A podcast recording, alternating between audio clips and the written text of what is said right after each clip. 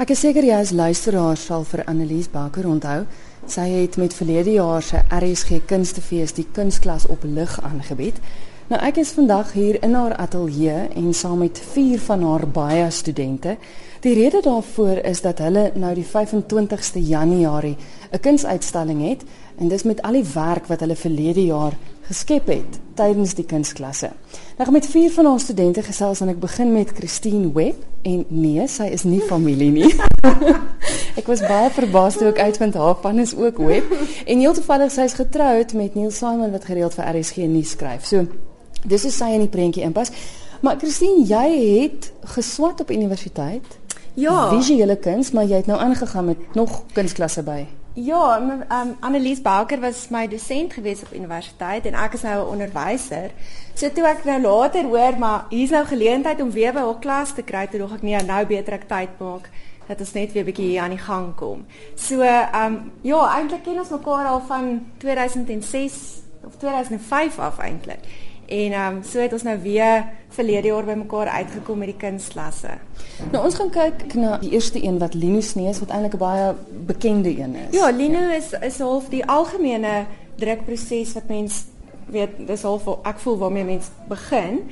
So wat ons hier gedoen het is toe ek nou weer inskakel by die kunstklasse, toe sê ek vir mevrou, ek wil baie graag my vaardighede weer opskerp want mens verloor so 'n bietjie van dit wat jy geleer het op universiteit as jy nou nie weer aanhou en oefen daarmee nie. En sy sê toe goed, maar gaan en soek vir jou prentjie, soek net vir jou beeldmateriaal en dan kyk ons hoe ons dit aan mekaar kan sit.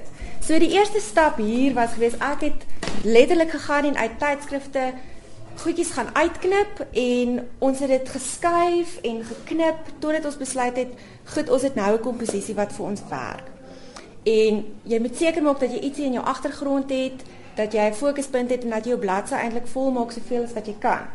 Maar nou, soos wat jy nou kan sien, hier's nou gekleurde dele en wit en swart dele en grys dele en Lino werk net in wit en swart. Mhm. Mm so nou moet jy van daar af eintlik jou kop regkry om te besluit, goed, wat gaan ons nou wit los? Wat gaan ons swart hê? Hoe gaan dit werk? So die tweede stap hier was gewees om net 'n fotostaat te gaan maak. En dan op jou fotostaat het jy nou verskillende skakerings van grys, jy het jou wit, jy het jou swart en hier het ek nou regtig die raad um van Annelies baie waardeer want toe sê sy luister dit gaan jou verskriklik te mekaar maak. Sit net eers met Tipex. Mhm. Mm Plot met Tipex uit presies wat wil jy wit hê? Vat 'n swart koutjie pen, kleur in wat jy wil swart hê en van daar af draai jy dan jou beeldmateriaal oor op die lino blok. En dan sit jy letterlik en dit is 'n proses. Jy begin net maar op 'n punt en jy kerf uit en op 'n stadium dan hardloop sy weer verby sê goed, nou moet jy stop, nou moet ons ink, ons moet nou eers toets, moet nou kyk, jy nou nie te veel uithaal nie, want as jy te veel uithaal, jy kan dit dan weer terugsit nie. En dan is dit absolute magic. As jy daai ink oorsit en jou prent kom uit en dit is net totaal en al dis verstommend. Dis glad nie wat jy verwag nie. Um en dan begin jy maar die probleme oplos wat daar is. Jy jy druk om eers om te kyk hoe kom hy uit en dan kan jy verder nou nog aan hom verander as jy sou wou. Ja, nie ons die eindproduk ook. Dit is ek wil net gou verduidelik, is 'n klomp mans wat in 'n ry staan agter en 'n vrou wat sit met 'n is dit 'n beeste skedel? Ja, dis 'n dis 'n kop. En dan 'n klomp blomme. Maar baie interessant genoeg, ek sien nou hier op die op die linie waarop jy uitgekerf het, haar arm het byvoorbeeld ook 'n klomp streepietjies, maar dit is nie so duidelik noodwendig op die op nee. die finale produk nie. So jy weet nooit eintlik regtig hoe Ja, en dit is eintlik die triek want hoe dieper jy uitkerf, jy gaan dalk nog lyne hier mm. sien wat 'n tekstuur maak waar jy kerf, maar wanneer jy ink, ink jy met 'n roller en daai deel word nie noodwendig mm. geïnk nie. So dit gaan nie oordra op jou papier nie. Goed en dan interessant genoeg die tweede een wat jy gemaak het is op daai saamgeperste hout. Ja. Maar dit moet baie moeilik wees om daarop uit te kerf want ek meen die klein stukkies hout kom ons los. Ja, dis presies dieselfde proses wat jy volg. Maar ek moet sê hierdie was vir my 'n challenge en dit is dis hoekom ek hier is. Um mens kan nie net altyd dieselfde goed oor en oor en oor doen en dit wat jy reg kry nie, so jy moet jouself baie keer bietjie net druk om te kyk wat kan jy nog verder doen. En hierdie was moeilik geweest want die hout is regtig hard. Um en ek moes op 'n stadium hierso lemmetjies leen en van die buiteltjies leen want hulle raak ook stomp en So moet jy maar versigtig werk. Soos wat jy gaan, dan maak jy foute. Jy kerf dele uit wat eintlik nie moes uitgekerf wees nie. Dan as ek hysteries, dan kom mevrou Walker hier aan, dan sê sy nee, moenie nou bekommerd wees nie. Ons fix vir hom. Sy ken al die triks in die boek. Dan sê sy nee, ons gaan nou hier bietjie so en ons gaan daar bietjie so. En op die ou end ook, as jy hom ink, kan jy eintlik eers sien wat regtig daar uitkom. Dan 'n derde tegniek is een wat jy op Perspex gedoen het. Ja, wat nou weer heeltemal 'n ander tegniek is. Ja, hierdie die eerste twee is relief drukprosesse. So die ink gaan op die deeltjies wat uitstaan. Mm -hmm. Dit wat jy uitkerf bly dan nou wit. Die Perspex is 'n intaglio drukproses. So daar forceer jy die ink in die lyne in. Ah, jy vee die boonste deel dan nou skoon dat jy jou wit areas het en wanneer jy hom deur die drukpers stoot, dan forceer hy al daai ink uit die lyntjies uit. Maar jy kan interessante goeders hier doen wat ek byvoorbeeld nou nie geweet het nie. Jy kan met sellotape werk en hy maak vir jou interessante tekstuur en lyntjies. Hierdie grys area rondom 'n skuurpapier. Hmm. Um, om hom net bietjie grower te maak en die randjie rondom is bostikgom. En ek hoor jy het selfs 'n passer gebruik. 'n Passer. Die meeste van die lyntjies is sommer met 'n passer. Dis Christine Web met wie ek gesels het. Sy is een van Annelies Bakker se studente en die werk word uitgestal van die 25ste Januarie. Volgende gesels ek met Marie Ferreira en dis nou weer 'n hele ander proses. Wat ons hier gedoen het is 'n uh, kollografie en dit is basies 'n proses waar mens begin om jou teksture saam te stel, jou komposisie en dan te besluit na die tyd min of meer 'n idee te kry hoe jou kleure, hoe jou kleure gaan vermeng. So jy kan sien op hierdie kollografie is daar byvoorbeeld gebreekte eierdoppies wat gebruik is. En daar is ook bietjie kleefpapier. Um stukkies is uitgesny uit karton uit. Hierdie is byvoorbeeld 'n strokie lint.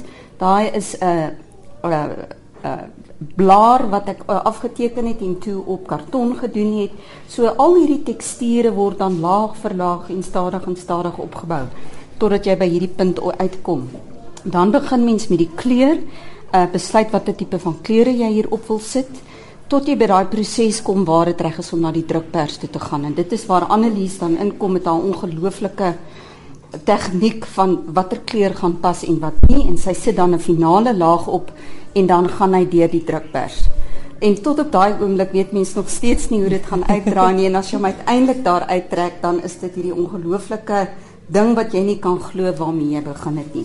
Wat ook baie lekker is van die plate is jy kan die verf dan weer afhaal mm. en dan kan jy verskillende ander verwe oorsit en dan kom jy met 'n totale nuwe kunsproduk vorendag. So dit is wat so lekker is van kollografie want dit is so 'n aanpasbare tipe medium om te gebruik. So met eenvoudig te verduidelik ook jy maak basies 'n collage met verskillende goede en dan is dit die papier wat en en want want waarna ons nou kyk is nie die plaat nie, ja. dit is letterlik die die collage teksture wat uitgedruk Correct. is. Dit is die druk van die van die collage van die print, ja, van die plaat. Nou 'n interessante een hier het jy het jy, het jy dis basies min of meer dieselfde ook. Die ja. plaat bly wel onder in die stinfolie wat jy ja, het. Ja, dis baie baie dieselfde tegniek wat mense gebruik waar jy jou opbou jou komposisie, die verskillende voorwerpe wat jy kan gebruik. Jy kan byvoorbeeld sien hierso as agtergrond wat ek gebruik om 'n grouwe tekstuur te gee uh, lese le, luisteraar sal weet dit is goed wat jy gebruik onder 'n tapuit dat jy nie gly nie. En ons het net besef as 'n rubber agtergrond gaan dit eintlik baie mooi kontrasteer en dis wat ons gedoen het. Hier is byvoorbeeld houtstukkies wat mens kry as jy 'n raam koop en jy wil hom verstewig. So ek het die houtstukkies daarin gesit. Hierdie is hartjies wat ek net gedink het 'n lekker uh, motief sou wees om op die hartjie tema te werk. Al hierdie goed bymekaar gesit en toe ja stadig maar seker weer begin om hom op te bou en op te bou dit is maar tyd saam dit is iets wat Annelies ons geleer het is dit is nie sommer iets wat baie vinnig kan gebeur nie. Hy het tyd nodig. En soos jy aangaan besef jy bietjie meer hiervan bietjie minder hiervan totdat jy op die punt kom waar jy voel hy is dan min of meer gereed. Dan kom die folie oor baie stewig vasgemaak en gedruk en dan weer eens word hy um, geverf en jy kan hierdie verskillende jy kan sien hy effense blou onderlaag ondertoon wat vir hom net iets anders gee en dan ek dink wat vir al ons studente altyd so interessant is is wanneer jy hom uiteindelik in 'n raam sien wat jy teen 'n muur kan hang en jy dink, "Ag, dis fantasties. Dit is dan eintlik 'n kunswerk." En dit is wat ek dink so lekker is van hierdie kunstklasse en wat ons doen is dat jy in hierdie kreatiwiteit uiteindelik 'n proses en 'n produk kan sien. Dit is verskriklik lekker om dit te sien. En dis presies nou met die uitstalling want jy Dit gaan is nou so. Ek wil gou hoor jy is nou in die beginnersklas, so jy het nou vir 'n jaar klas gehad by. Dis reg, ja. Hoekom het jy op nommer 1 besluit om kunstklas toe te kom en wat het dit vir jou beteken? Ja, dis interessant. Ek dink ek was op 'n stadium in my lewe waar ek gevoel het dat ek nodig het om te kyk eerstens uit te vind of ek kreatief is of enigstens kan wees. Um ek het blykbaar jare gelede op skool bietjie geteken en dit het vriende vir my nou onlangs met 'n 40-jarige reunie herinner en skielik net besef dat ek dink dit was in my onbewuste iets wat ek wou doen. En toe ek die kunstklasse begin neem wat wat baie lekker was van hierdie jaar is dat ons is aan soveel mediums blootgestel dat ek nie 'n idee gehad het van waarmee gaan ek gelukkig wees en waar is dit waar ek myself gaan tuisvind. So Annelies het ons blootgestel van basiese tekenwerk tot skakerings van van van van ehm um, van potlode. Toe begin ons so 'n bietjie met 'n uh, akrielwerk, die waterverf en dit is snaaks want goed wat jy dink jy nie gemaklik mee gaan voel nie, het skielik net vir my begin voel, maar dit is 'n heerlike medium in bewerk. Werk. So Ehm um, dit is vir my openbaring om te sien waar is dit vir my lekker en ek dink mense begin stadig maar seker as kunstenaar uh jou styl, jou styl ontdek en en dit is deel van die hele ontdekkingsreis.